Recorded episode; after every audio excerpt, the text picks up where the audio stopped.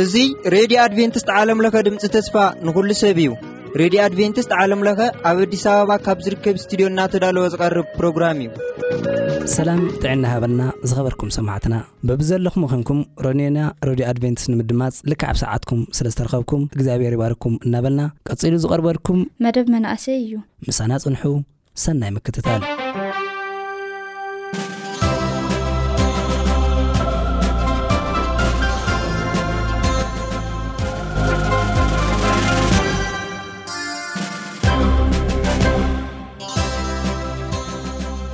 ሰላም ኩራት ተኸታተልቲ መደባትና እዚ መደብ እዚ መደብ መናእሰያት እዩ ሕጂ ሓቢርና ንሪኦ ብዝሓለፈ ናሃታ መቐፀልታ ክኸውን ዝኽእል ናይታ ንግስቲ ኣስቴር ከመላ ንግስቲ ኮይና ናብቲ ዓዲ ከመላ ከይዳ ንምንታይ ዕላማ እግዚኣብሔር ንግስቲ ገይርዋ ድብል ንግስቲ ዝገበር ዓላማ ሕጂ ክንርኢ ኢና ብከመይ መልክዕ ግን ካብተን ብዙሓት ቆናጁ ኣጓላት እግዚኣብሔር ከመይ ኢሉ ሓሪዋ ንምንታይ ዕላማ ዝብል ኣርእስቲ ንእሽተይ ታሪክ ኣቅሪበልኩም ነይረ ኣብ ዝሓለፈ ሕጂ ከኣ ንሓቢርና ንሪኦ መቅጸልትኡ እንታይ ሰሪሐ ምምጀማርና ግን ሓቢርና ንጸሊ ዘልኣለማዊ ልኮንካ እግዚኣብሔር ኣምላክ በዛ ዕለት እዚኣ ሓጢኣተኛታት ክንነሱ፣ ነገር ግን እስካብ ሕጂ ምሕረትካ ካባና ስለ ዘይተፈለየ፣ ካብ ስቴደና ንዝመሓላለፉ መልእኽትታት ዘበለ ኩሎም ከኣ ብሽም ወድኻ ንሰማዕትና ህይወት ምስ ትርፉ ክኾኑሎም ንምሕጸነካ፣ ኣብ ዝደልይዎ ዘበለ ኩሉ ከም ፍቓድካ ክትግለጽ ንምሕጸነካ፣ ኣይትፈለየና ስለ ሽም የሱስ ኣሜን። እምበኣርከስ ከምቲ ዝነገርኩኹም ብዝሓለፈ፣ ባርያ ኮይና ከይዳ ናብቲ ዓዲ ምስ ሓወቦኣ፣ ነገር ግን እግዚኣብሔር ካብ ባርያ ናብ ንግስቲ ኣምጺእዋ ንግስቲ ዝገበራ ከኣኒ ንሓደ ቁምነገር ንሓደ ኣጀንዳ ነይሩ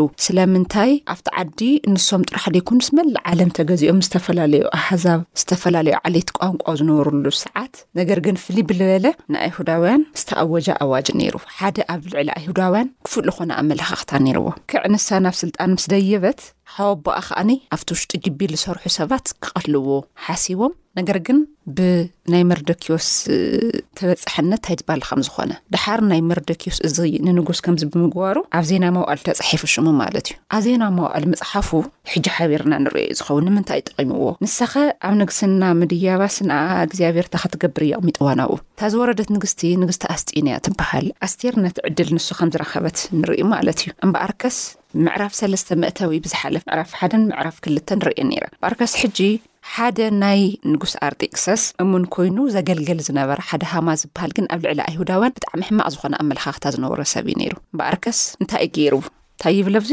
ድሕሪ እዚ ነገር እዚ ንጉስ ኣርጤክሰስ ንሃማ ወዲ እቶም ምስኡ ዝነብሩ ኩሎም ሽመኛታት ሾመ ኣኽበሮም እቶም ኣብ ቤተ መንግስቲ ዝነብሩ ኩላቶም ሽመኛታት ድማ ንሃማ ፍግም ኢሎም ሰገድሉ እዚ ከዓ እቲ ንጉስ ከምኡ ኢሉ ኣዚዙ ስለ ዝነበረ እዩ መርደኪዩስ ግና ፍግም ኢሉ ኣይሰገደሉን እንታይ ይብል ኣብዚ ንምንታይ ንመርደኪዮስ ኮነ ንኣይሁዳውያን ክፉእ ንኽሓስብ ከም ዝገብሮ ማለት እዩ እቶም ኣብ ቤት መንግስቱ ዝነብሩ ኩላቶም ሽሞኛታት ድማ ንሃማ ፍግም ኢሎም ሰገድሉ እዚ ከዓ እቲ ንጉስ ከምኡ ኢሉ ኣዚዙ ስለ ዝነበረ እዩ እቶም ኣብኡ ዝነብሩ ሽሞኛታት ንጉስ ንመርደኪዮስ ስለምንታይ ኢኻ ንስኻ ትእዛዝ ንጉስ እተፍርስ በልዎ መዓልቲ መዓልቲ እውን ከምኡ እናበሉ የትኵርዎ ነበሩ። ንሱ ግና ምስማዕ ኣበዩ። ኣይሁዳዊ ምዃኑ ነጊርዎ ነበረ እሞ ሃማ ንግብሪ መርደክዮስ ሸለል ዝብሎ እንተ ዀይኑ ምእንቲ ኽርእዩ ንሃማ ነገርዎ። ስለዚ እቶም ኣብኡ ዝነበሩ ምስኡ ዝሰርሑ ኣካላት እስኪ ኸምዚ ኢልና እንተ ነጊርናዮስ ሃማስ እንታይ ኽገብር ይኽእል? ኢሎም ነጊሮምዎ። ሃማ ድማ ንመርደክዮስ ፍግም ኢሉ ኸም ዘይሰገደሉ ምስ ረኣየ ብቝጥዓ ነደደ። መርደክዮስ ኣይሁዳዊ ከም ዝዀነ ምስ ፈለጠ ኣብ ልዕሊ መርደክዮስ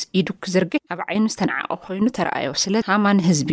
መርደክዮስ ነቶም ኣብ ኵላ መንግስቲ ኣርጤክሰስ ዝነብሩን ንዅላቶም ኣይሁድ ኬጥፍኦም ደለየ። ኣርጤክሰስ ምስ ነገሰ ኣብ መበል ዓሰርተ ክልተ ዓመቱ፣ ብቐዳመይቲ ወርሒ፣ ብወርሒ ኒሳን፣ መዓልትን ወርሕን ኪፈልጡ ኣብ ቅድሚ ፋርስ ዝተባህለ ዕጻ የውድቑ ነበሩ። እቲ ዕጻ ኸኣ ኣብ መበል ዓሰርተ ክልተ ወርሒ፣ ኣብ ወርሒ ኣዳር በጽሐ። ሃማ ድማ ንንጉስ ኣርጤክሰስ፣ ኣብ ማእከል እቶም ኣብ ኵለን ግዝኣትካ ዘለዉ ህዝብታት ፋሕ ኢሉ ዚርከብ ሓደ ፍሉይ ህዝቢ ኣሎ። ኣብዚ ሕጂ ስምዑ፣ እንታይ እንታይ ኢሉ ኸም ዝኸሰሰ። ሃማ ድማ ንንጉስ ኣርጤክሰስ፣ ኣብ ማእከል እቶም ኣብ ኵለን ግዝኣትካ ዘለዉ ህዝብታት ፋሕ ኢሉ ዚርከብ ሓደ ፍሉይ ህዝቢ ኣሎ፣ ሕጎም ከኣ ካብ ኵሎም ህዝብታት ፍሉይ እዩ፣ ንሕግታት ንጉስ እውን ኣይእዘዙን እዮም። ስለዚ፣ ንጉስ ነዚኣቶም ሸለል ክትብሎም ኣይግባእን እዩ። ኦ ንጉስ፣ ንኣኻ ጽቡቕ ኰይኑ እንተ ተራእዩካስ፣ እዞም ህዝቢ እዚኦም ከጥፍኦም ይጸሓፍ፣ ናብ ናይ ንጉስ መዝገብ ኣታዊ ዚኸውን ሰለስተ ሚእቲ ኣርብዓን ሽሕ ኪሎ ግራም ብሩር፣ ካብ ባዕለይ መዚነ ብኢድ ነእቶም ዓየይቲ ናብ መዝገብ ንጉስ ከእቱ እየ በለ። ሽዑ ንጉስ ነታ ማሕተም ዘለዋ ቐለበቱ ካብ ኢዱ ኣውጺኡ ንጸላኢ ኣይሁድ ሃቦ። ንጉስ ከኣ ንሃማ ዝደለኻዮ ኽትገብር እቲ ብሩርን እቲ ህዝብን ንኣኻ ተዋሂቡ እዩ በሎ። ሕጂ እንታይ እዩ ገይሩ? ኣብዚ ናይ ኣርጤክሰስ ግዝኣት ውሽጢ ኣይሁዳውያን ጥራሕ ኣይኮኑን ዝግዝኡ ኢለኩም ነይረ። ሕጂ ኣብኡ ዘለዉ ተገዚኦም ዝመጹ ብዙሓት ኣህዛብ ንሃማ ዘይሰግድ የለይ። ኣይሁዳውያን ፍልይ ለብሎም ግን ንእግዚኣብሄር ጥራሕ እምበር ንኣህዛብ ኮነ ኣብ ትሕቲ እግዚኣብሄር ዘለዉ ክሰግዱ ብሕጊ ሙሴ ኣይተነገረሉን። ስለዚ እንታይ ኢሉ ኣቕሪቡሉ ንኣርጤክስስ? ንግስናኻን ስልጣንካን ዘነዓቕ፣ ኣብ ውሽጢ ንስኻ እትገዝኦ ግዝኣት ሓደ ፍልይ ልበለ ህዝቢ እኒኦ። ስለዚ ኸምዚ ንዝገብር ህዝብስ ታይ ኢኻ ትፈርደሉ? ክብሎ ኸሎ ንስኻ ዝደለኻዮ ግበር ኢልዎ። እዚ ማለት ኣጥፍኣዮም ማለት እዩ። ከጥፍኦም ስለ ዝደሊ ኣጥፍኣዮም ማለት እዩ። ስለዚ ክኸፍሎም ዝደለዮም እዚ ምስ ገበርኩስ እዚእን ወዲ እዚእን ክገብር እየ። ሰለስተ ሚእትን ኣርብዓን ሺሕ ኪሎ ግራም ብሩር ካብ ባዕለይ መዚነሲ ኣታዊ ክገብር እየ ኢልዎ። ሽዑ ቀለብት ልኣስርዎ ቀለበት ኣለዎም ትቀለበት ኣውፅኡ ዝህዝብን ንኣኻ ሂበካ ኢልዎ ታይ ይብል ኣብ መበል ዓሰርተ ሰለስተ መዓልቲ ናይታ ቀደመይቲ ወርሒ እቶም ፀሓፍቲ ንጉስ ተፀዊዑ ካብ ህንዲ ጀሚሩ ክስካዕ ኢትዮጵያ ናብ ዘለዎም ሚእትን ዕስራን ሸውዓተን ሃገራት ከምቲ ኩሉ ሃማ ዝኣዘዞም ናብ ሽመኛታት ንጉስ ኣብ በብሃገሩ ንዘለው ገዛእትን ኣብ ኣፀሓሓፈ ኣተን ሃገራትን ከከም ቋንቋ እቶም ህዝብታት ተርጉሞሞ ፀሓፎ እዚ ብስም ንጉስ ኣርጤክሰስ ተፀሓፈ ብቐለበት ንጉስ ድማ ተሓተመ። ብሓንቲ መዓልቲ ኣብ መበል ዓሰርተ ሰለስተ መዓልቲ ኣብ መበል ዓሰርተ ክልተ ወርሒ ብወርሒ ኣዳር ንዅላቶም ኣይሁድ ነጕባዝ ኣረጋውያን ንህጻናት ነንስትን ከጥፍእዎም ክቐትልዎም ክድምስስዎም ገንዘቦም ድማ ክዘምቱን መልእኽትታት ብፈጣናት ፈረሰኛታት ናብ ኵለን ሃገራት ሰደዱ ነታ መዓልቲ እቲኣ ተዳልዮም ምእንቲ ክጸንሑ ድማ ቅዳሕ እቲ ኣዋጅ ኣብ ኵለን ሃገራት ኣብ ኩለን ብዝብታት ከም ዝበጽሕ ገበሩ። እቲ ኣዋጅ ድማ ኣብ ከተማ ሱሳ ተነገረ። እቶም ፈረሰኛታት ከኣ ብትእዛዝ ንጉስ ቀልጢፎም ናብ ኩለን ሃገራት ሰደዱ። ንጉስን ሃማን ድማ ኮፍ ኢሎም ይሰትዩ ነበሩ። ከተማ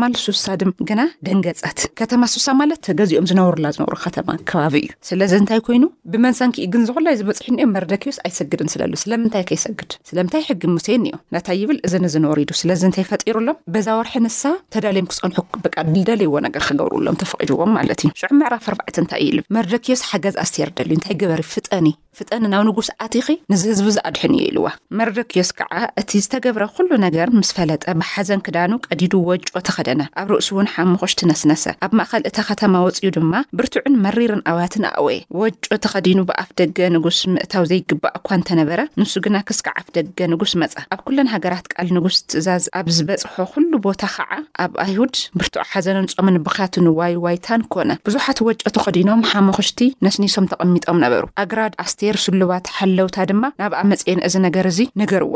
ሽዑ ኣስቴር የመና ሓዘነት፣ ንመርዶክዮስ ከኣ ክንዲ ወጮ ክዳን ክኽደን ሰደደትሉ፣ ግና ኣይተቐበላን። ሽዑ ኣስቴር ንኣክራትዮስ ጸውዐቶ፣ ንሱ ሓደ ካብቶም ስሉባት ንጉስ ከገልግልዋ ኢሉ ዝመደበላ ነበረ። እዚ ነገር እዚ እንታይ ምዃ ስለምንታይ ከም ዝኾነ ክፈልጣ ናብ መርደክዮስ ሰይድ ኣዘዘቶ። ካብኡ እንታይ ይብል፣ ኣክራትዮስ ድማ ናብ መርደክዮስ ናብታ ቅድሚ ኣፍ ደገ ንጉስ ዝነበረት ገፋሕ ኣደባባይ እታ ከተማ መጸ። መርደክዮስ ከኣ እቲ ንእኡ ዝወረዶ ኩሉ ነገር፣ ሃማ ንኣይሁድ ንምጥፋእ ኣብ መዝገብ ንጉስ ከእትዎ ኢሉ ዝመዘነ ቁጽሪ እተን፣ ገንዘብ ነገሮ። እቲ ንኣይሁድ ንምጥፋእ ኣብ ሱሳ ዝተሓገገ ናይቲ ትእዛዝ ሓደ ቅዳሕ ንኣስቴር ክርእያ ክነግራ ናብ ንጉስ ኣትያ ድማ ብዛዕባ ህዝባ ክትልምኖ ኢሉ ንኣክራትዮስ ሃቦ።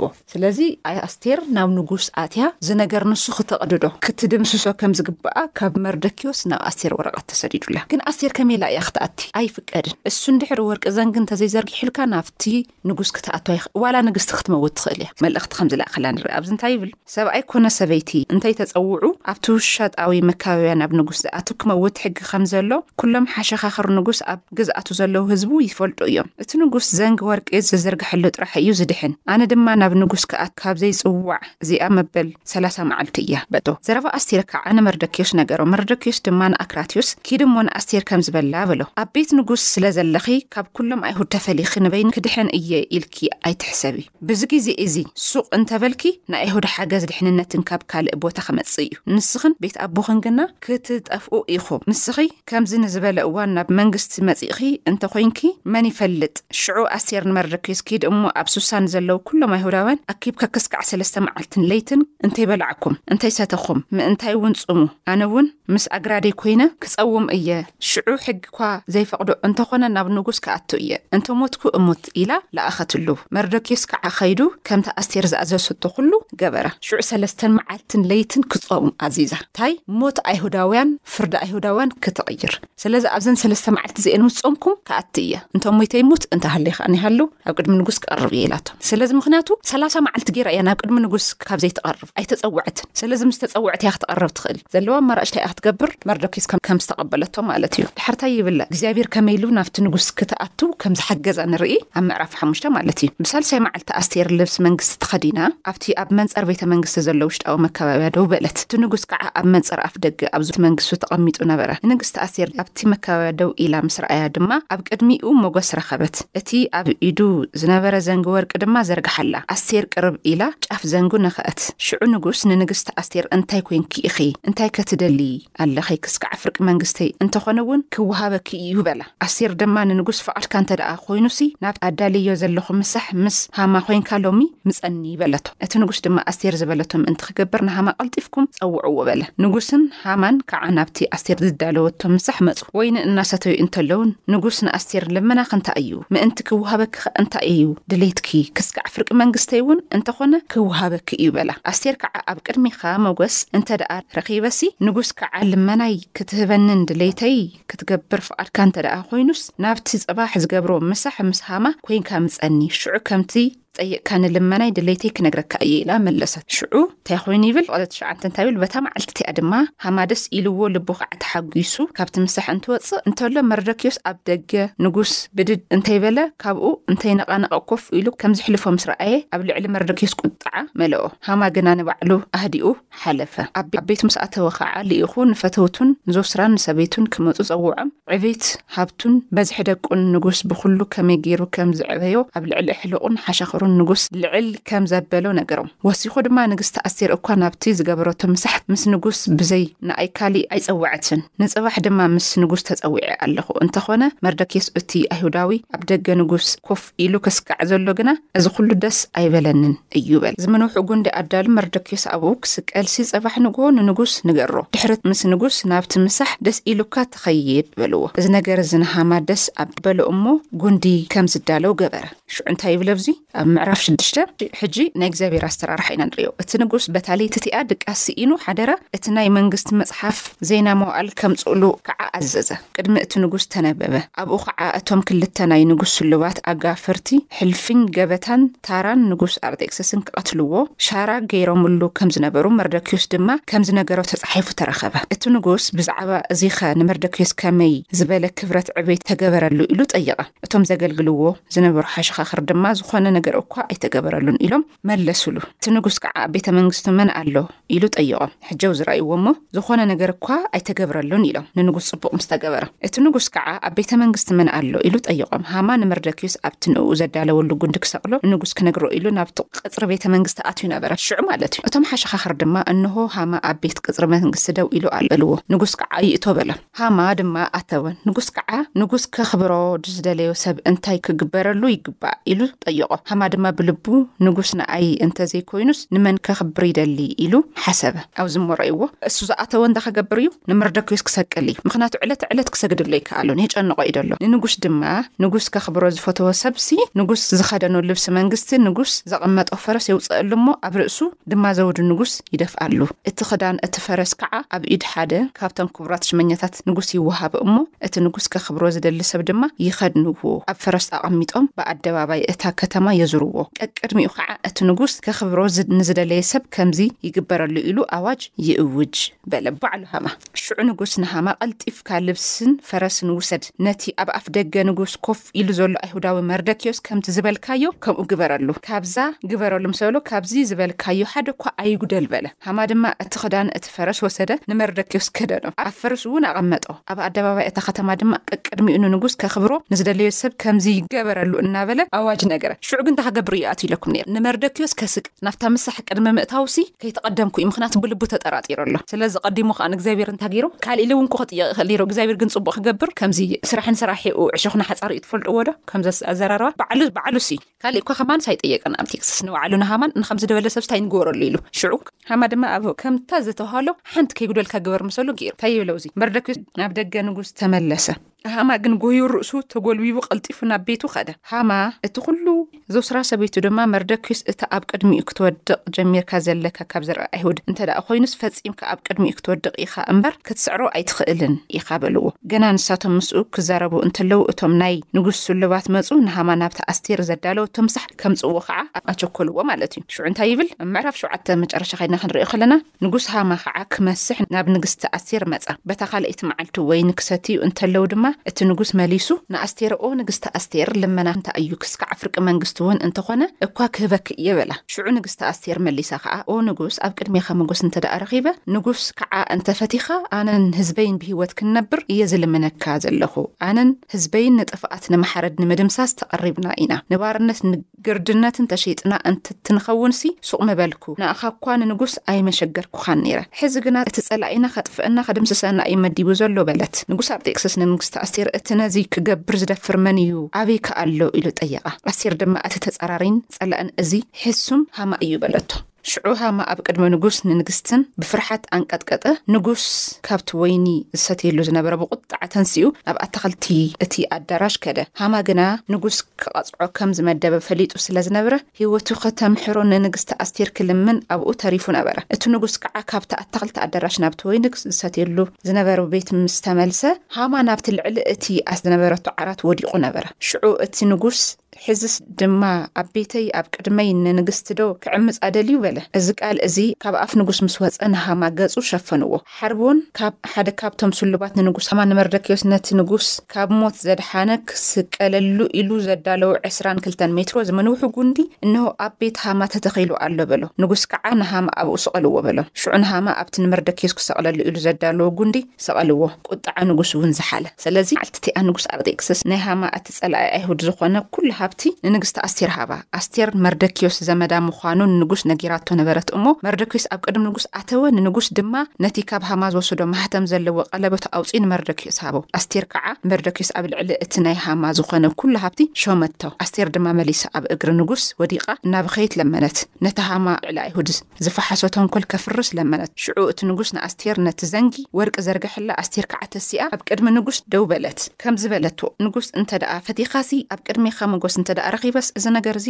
ከኣ ጽቡቕ ኰይኑ እንተ ደኣ ተተርእዩካ፣ ኣነ ኸኣ ብኣኻ ፍትውቲ እንተ ዀይነሲ፣ ሃማ ወዲ እቶም ኣብ ኵላ ግዝኣት ንጉስ ዘለዉ ኣይሁድ ከጥፍእ ሓሲቡ ዝጸሓፎ መልእኽትታት ክልወጣ ኣውጅ። ኣነ ኸመይ ገይረ ነቲ ናብ ህዝበይ ዝመጽእ መከራ ክርኢ እኽእል? ከመይ ገይረኸ ጥፍኣት ኣዝማደይ ክጻወር ይኽእል? ሽዑ ንጉስ ኣርጤክስስ ንግስቲ ኣስቴር ንመርደክዮስ ኣይሁዳውያን እንሆ ሃብቲ ሃማ ኣስቴር ሂበያ ኣሎኹ ንሱ ድማ ንኣይሁድ ከጥፍእ ኢዱ ስለ ዝዘርግሐ ኣብ ጉንዲ ተሰቐለ ሕዚ ኸዓ እቲ ብስም ንጉስ ዝተጽሓፈ ብቐለበት ንጉስ ዝተሓተመ ኣይልወጥን እዩ እሞ ንስኻትኩም ድማ ብዛዕባ ኣይሁድ ደስ ዝበለኩም ብስመይ ዝጸሓፉ ብቐለበት ሕተምዎ በለ። ስለዚ ዝተጽሓፈ ክድምሰስ ኣይክእልን። ብሜዶንን ፋርስን ሕጊ ካብ ቀለበት ብላዕሊ እዩ። ክድምሰስ ስለለይክእል ኣነ ክሓትሞ ድኽእል ካሊእ ጽሑፍ ጽሓፉ እሞ በቲ ናተይ ቀለበት ክሓትሞ ኢልዎም ማለት እዩ። ካብኡ በቲ ቀለበተይ እንታይ ግበርዎ?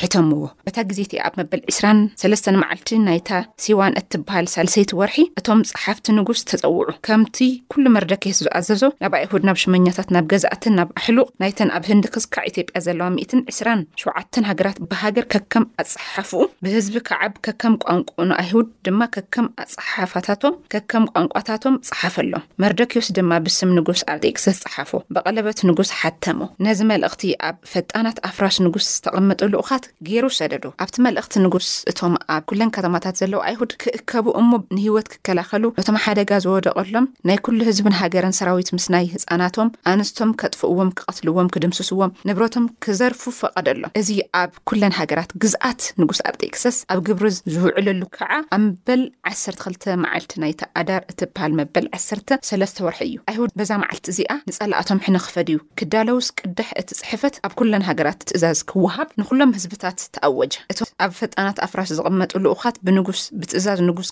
ብቕልጡፍ ናብ ኩለን ሃገራት ወጹ። ከምኡ እቲ ትእዛዝ ኣብ ከተማ ሱሳ ተኣወጀ። መርደክዮስ ኣብ ከተማ ሱሳ ማለት ኣይሁዳውያን ዝቕመጥሉ ማለት እዩ። መርደክዮስ ድማ ሰማያዊ ጻዕዳ ልብሰ መንግስቲ ተኸዲኑ፣ ዓቢ ዘውዲ ወርቂ ኣብ ርእሱ ደፊኡ፣ ብሃሪ ዝተኣለመ ቀይሕ ጻዕዳ ዓለባ ተወንዚፉ ኣብ ቤተ መንግስቲ ወጸ። ከተማ ሱሳ ከኣ ዕልል እናበለት ተሓጐሰት። እዚ ከኣ ንኣይሁድ ብርሃን ሓጐስ ደስታ ኽብረት ኰነ። ኣብ ኵለን ሃገራት ኣብ ኵለን ከተማታት ቃል ንጉስ ትእዛዝ ናብ ዝበጽሖ ኵለን ከተማታት ንኣይሁድ፣ ሓጎስን ደስታን ኰነሎም። ብዚ መልክዕ'ዚ ነጻ ከም ዝወጹ ዘይፍቀድ ሰላሳ መዓልቲ ገይራ ነበረት። ንጉስ ከይጸውዓ ዘይትኣቱ ዝነበረት ኣብ ውሽጢ ሰለስተ መዓልቲ ግን እግዚኣብሔር ሓጊዝዋ ዋላ እንተ ሞይተ ይሙት ኢላ ንህዝባ ከም ዘድሕነት። እምበኣርከስ ዕላምኡ ናይ ኣስቴር ንግስነት ነዚ ዕላማ'ዚ ነይሩ። ኣስጢን ተትኸውን ነይራ እዞም ኣሕዛብ'ዚኦም ጠቕላላ ነጻ ኣይምወጹይ። ስለዚ እግዚኣብሔር ብዕላማ ንንግስቲ ኣስቴር ንግስቲ ገይርዋ ጠፍኦ ኣይክእሉ እዩ ካብዚ ታሪክ እዚ ብዙሕ ትምህርቲ ከም ንረክብ ተስፋ ይገብር ምንም ነገር ተድህሉ ፅሑፍቶ ክቅይር ዝኽእል እግዚኣብሔር ጥራሕ እዩ ግና ንሕና ፅቡቅ ነገር ንምስራሕ ጥራሕ ድልዋት ንኹን መርዶኪዮስ ፅቡቅ ስለ ዝሰረሐ ጥራሕ ነቲ ሕማቅ መዓልቲ ጠቂማቶ ፅቡቅ ግበር ንመን ክትብል ይብል ኣብ